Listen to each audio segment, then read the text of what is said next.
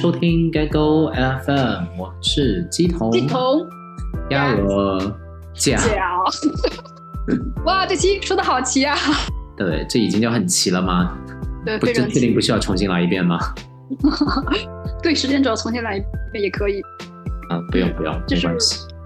这这这期应该是我们今年的最后一期了吧？对，今天我们要聊什么呢？既然新的一年要来了，旧的一年要过去了。我们我们来期收官之作。收官之作是收什么呢？是聊一聊大家今年怎么样，收获了什么，学到了什么？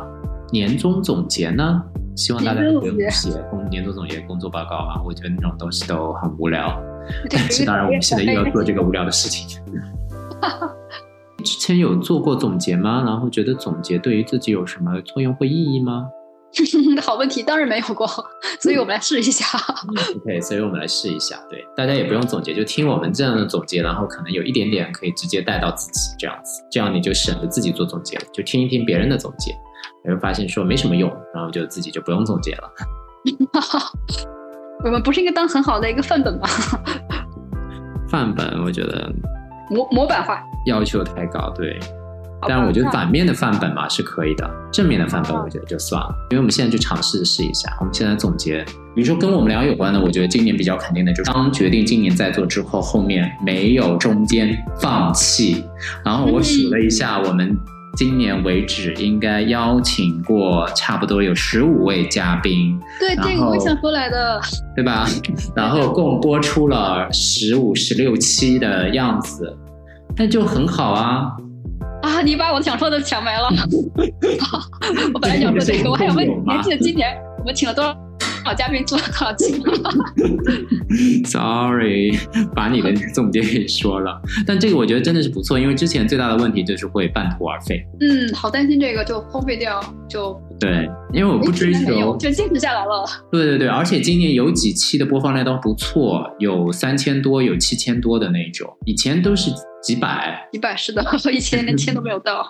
对，一千都没到。今年就是有几期都是破千，甚至是要上万的那种，对吧？嗯，这个我觉得是对于我们电台的一个很好的一个鼓励。然后说到这里，就还是感谢各位还有在收听我们高高 FM 的听众朋友。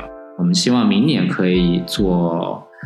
更加好玩的、更加想做的节目吧。今年有几期也是像这几期，可能都是在在水啊，在水一期的 水一期的感觉。感谢大家的包容。很多期啊。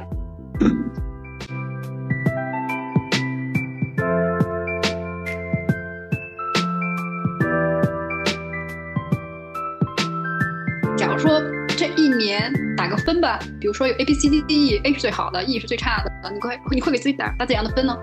嗯，如果是我的话，如果是我的话，我大概会给自己打一个 C 加吧，就是勉强及格。就是我对我这一年没有特别好的成绩，但也没有特别差的那种，嗯，不不满吧，就就平平淡淡这样这样子。嗯嗯，了解。我我这个人一向是比较骄傲的那种个性，然后我会打 A。不到 A 加，但我会打个 A。就就这一年活得特别潇洒。那倒是没有，那就是没有特别潇洒。但我想肯定我自己在经活过了这么艰难的一年，然后并没有随着整个大环境而完全就是放弃或者是不做自己想做的事情。这个我觉得是我自己想要肯定自己的一点。对，待会儿可以具体聊一聊。就是我觉得我自己做了什么，让我会觉得说，哪怕整体感觉也没出去干嘛，也没做什么大的事情，但是我依然觉得这一年反而是过得比较具体的，因为我都很充实。对对对，是的。比如说，我觉得今年自己总结自己的一点的话，比如说，我觉得我们共有的，你可能不没有啊，就是我今年被隔离了。八十八天到九十天没有疯掉，我觉得这也是一个 很好的成就，哦，可以肯定自己。在这之前，其实你是没有办法想象，当这个事情发生之前，其实，其实当时我一直我自己一直在讲，天哪，我觉得我关一个月，我就我关一个礼拜我就不行了，因为以前听很多国外回来的人关什么两周隔离，我会觉得说。啊，两周时间就在这个酒店里面啥都不能去，然后也不能点，我是觉得这我我我觉得我绝对做办不到这个事情。但是事实呢，关了九十天，我也就我不能说是适应，而是说我自己调节过来，我自己在这个环在自己非常不能接受的这个条件下面，依然比较好的去利用了这段时间。这个我觉得就是希望肯定自己的一点，所以这个。是我想要数字，第一个数字就是九十天，对，这个是一个。然后说到这个呢，我自己呃，平常还组织了那个同志的一个诗社，我的诗社叫长日诗社，我今年一共组织了八场活动，我今年也是从差不多三四月份一直组织到了十二月份，差不多每个月有一场，对，然后整体的效果，参与的人数我。自己都很满意，然后最大的也是没有放弃，到目前为止也没有放弃这个诗社，所以这也是对我自己，呃，很好的一个鼓励。八场实惠的活动，还有啊，我觉得我这我自己，嗯，今年法语的学习已经是算是成为我日常的一个学习了，就是，嗯。累计学习时长通过 APP 已经达到六百个小时，当然我还有线上的网课，我是已经坚持了一年的网课了，基本上都会呃按时出席，很少是事后再去补的。这个我觉得自己以前是做不到的，我今年就做到了这一点。这样子就是法语的学习成为了日常的一个习惯。现在是到到 B 二程度了吗？就是就是 A B 在学 B 二，差不多。哇，好厉害耶！不不会有什么每日法语听力吧？对对对，这个 这个是自己自己打卡。那每日英语听力我已经也在上面坚持了三百五十天，连续打卡三百五十天，每天的收听时长都是在六十分钟到一百二十分钟。打个广告这样子，虽然没钱。就是因为很多人也会来问我，哎，你怎么学习英文的？我觉得这种问题真的以后不要再问了。就是你先，任何材料，现在你网络时代，你什么信息找不到，对不对？就你任何的方法，我先劝你先坚持个三个月到半年，没效果你再去问人家。如果你连三个月到半年都坚持不了的话，问人家什么方法是最没有用的事情。就这个我是真的特别想说了，因为我真的也被问了很多次这个问题。嗯，因为我自己学法语就是这个这个态度，就是别人跟我说再多，给发给我再多的资料，我自己不坚持去看，那有人能有什么用呢？没有用。看自己。嗯，对，是的。所以先挑战自己，先把这个事情坚持下来，成为一个习惯，再去看方法都差不多的。嗯，现在什么都能找到。就是我也有用那个 A P P 来打卡学习的这种，就是我我我是在学英语嘛，我差不多是八月底呃九月初开始学的，有一个每日英语听力一直在坚持打卡，有八十八天了，嗯，然后还有一个专门背单词，呃，有三个专门背单词的 App，等于说我现在在用四个英四个软件来学英语。这种我觉得就是可以鼓励自己啊，因为每天去打卡是很不容易的一个事情，你知道吗？特别容易就是因为什么样的事情就断掉，断掉之后最可怕的就是后面你可能就是。再也不用它了，或再也不学习它了，再也不想到它了。嗯，会你的你的自信心就被打打压。对，就是会三分钟热度嘛，嗯，都是有这种三分钟热度。那我觉得你你每天有一个固定的一个事情打卡或者什么样的累积下来，我觉得这是一个很了不起的事情，不是很多人都能做到的。我觉得可以，大家可以想一想自己有什么这样的事情，或者想有什么事情想要以这样的方式坚去坚持的话，我是建议大家也可以去尝试一下。嗯嗯，然后这块儿个人成就，想想还有哪一些？看书，我看书也看了，今年是看的最多的一年，看了将近三十本书。但是我觉得我现在看书就完全是功利心态，就是为了看书而看书这样。哦，就是刷数字。差不多，对的，就是我希望自己先建立起这个阅读的习惯，就是希望自己先保持，就是但是至于看完之后学到了什么，有什么感触，我觉得这个就另说，这样子。明白。嗯，对，但也很想鼓励一下自己，因为我自己是不喜欢看书的，所以能看到三十本对我来说已经是对我自己来说是一个非常满足的一个状态。嗯，那我这边跟你差不多的是，我看电影，我觉得我今年看电影的量比前几年都很多。所以要鼓励一下自己啊！我今年电影量真的涨了不少，就在豆瓣上很明显的看那个曲线就直线上升。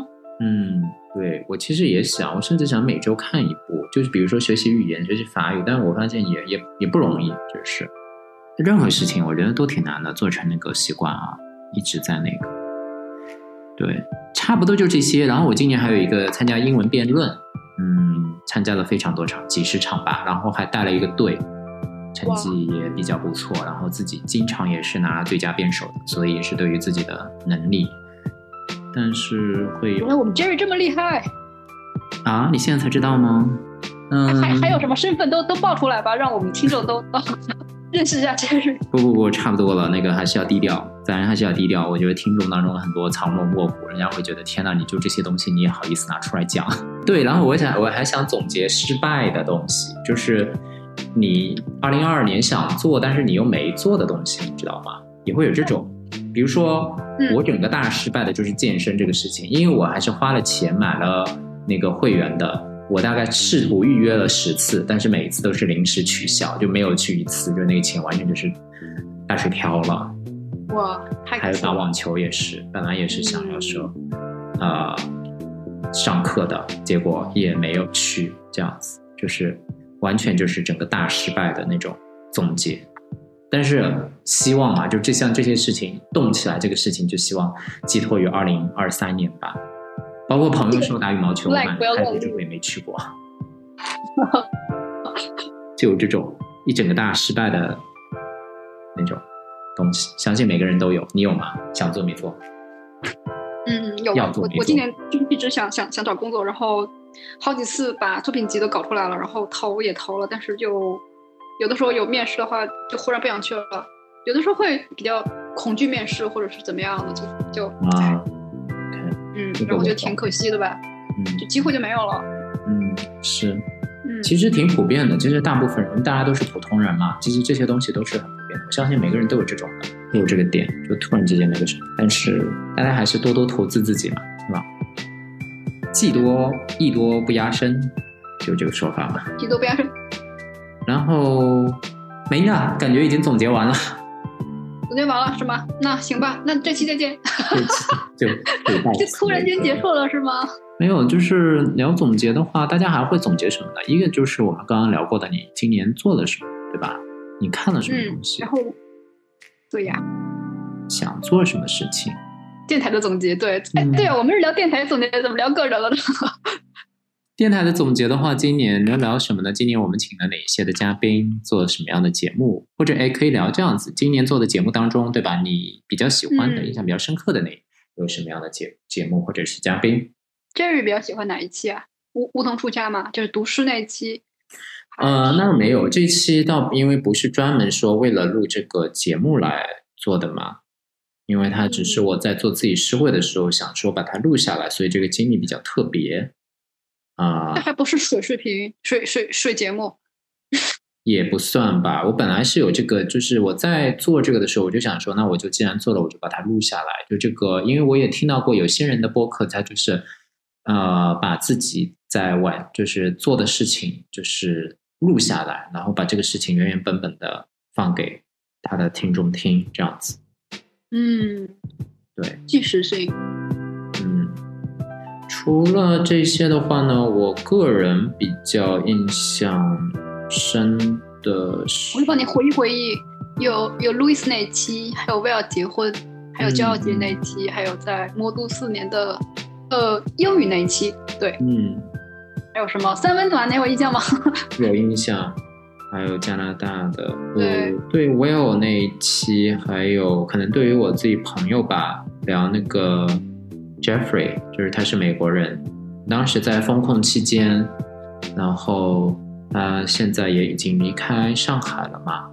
那其实这样这样一个节目，它就有一个纪念意义，就是算是一个纪念，有特殊的意义，对吧？虽然，嗯，就是把你们一起经历过的事情，通过这个声音，通过电台这个方式给保存下来，其实这个也是蛮好的。嗯。这个我觉得，如果你找朋友去聊的话，其实都会有这样的感觉，包括跟 Will，包括跟加拿大的嗯 Jonathan 在聊这些事情的时候，都会有。就它有很很大的纪念意义。对，就是它除了你在做电台节目之外，对于你个人也是有意义的，就是相当于盘点了一下，总结了一下你跟这个人的那个一起共同经历过的事情。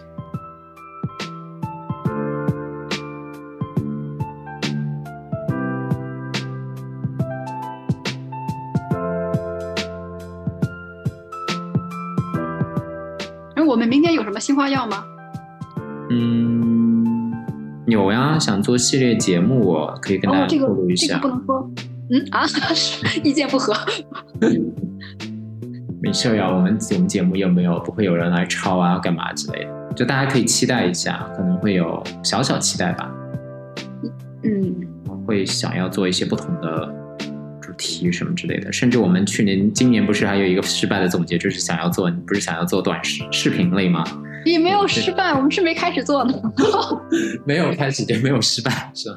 嗯，我自己的话，就对于这个电台明年的期望总结的话，就是确实还是觉得说需要去有对有别的朋友嘉宾进来，嗯就是定位，我觉得我已经不纠结了。就是这个电台到底要面向谁，做成什么样子，我已经不纠结的。我觉得无所谓，就是做成什么样就是什么样，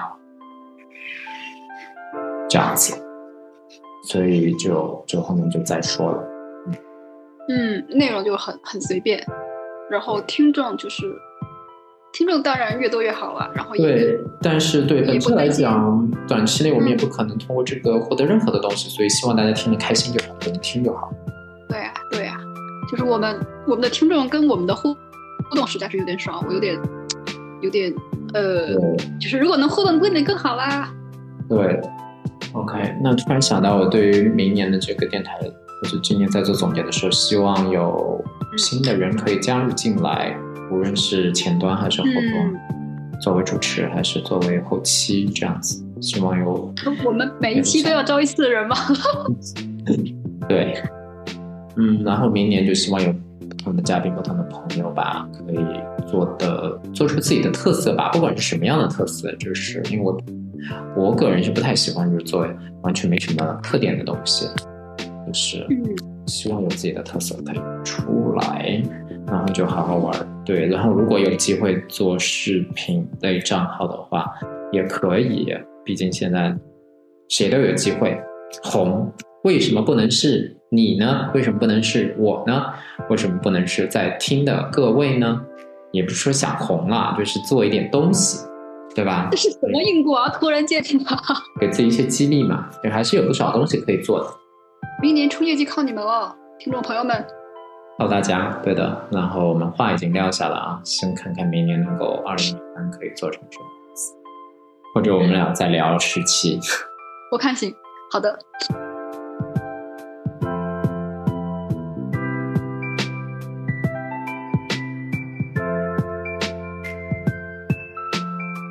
那我们今年今年就结束喽。今年就差不多就结束了，是一个，所以说我们就说这是一个反面的一个年终总结，就是你发现总结来总结去吧，也是一堆废话，也没有什么特别的。你希望是还是有一点点内容。都是废话嘛。我觉得总结非常好呀，总结就是这个样子。可以可以，人生就是对，爱怎么样怎么样，爱谁谁，来都来了，反正就是这些。好啊，那就我们明年再接再厉。嗯，对，祝大家拥有一个美好的二零二二结局，然后有一个更好的二零二三开始。我们二零二三年再见啦，二零二三再见，拜拜，拜拜。拜拜。这时候应该有难忘今宵的片尾曲吧？可以可以插一个。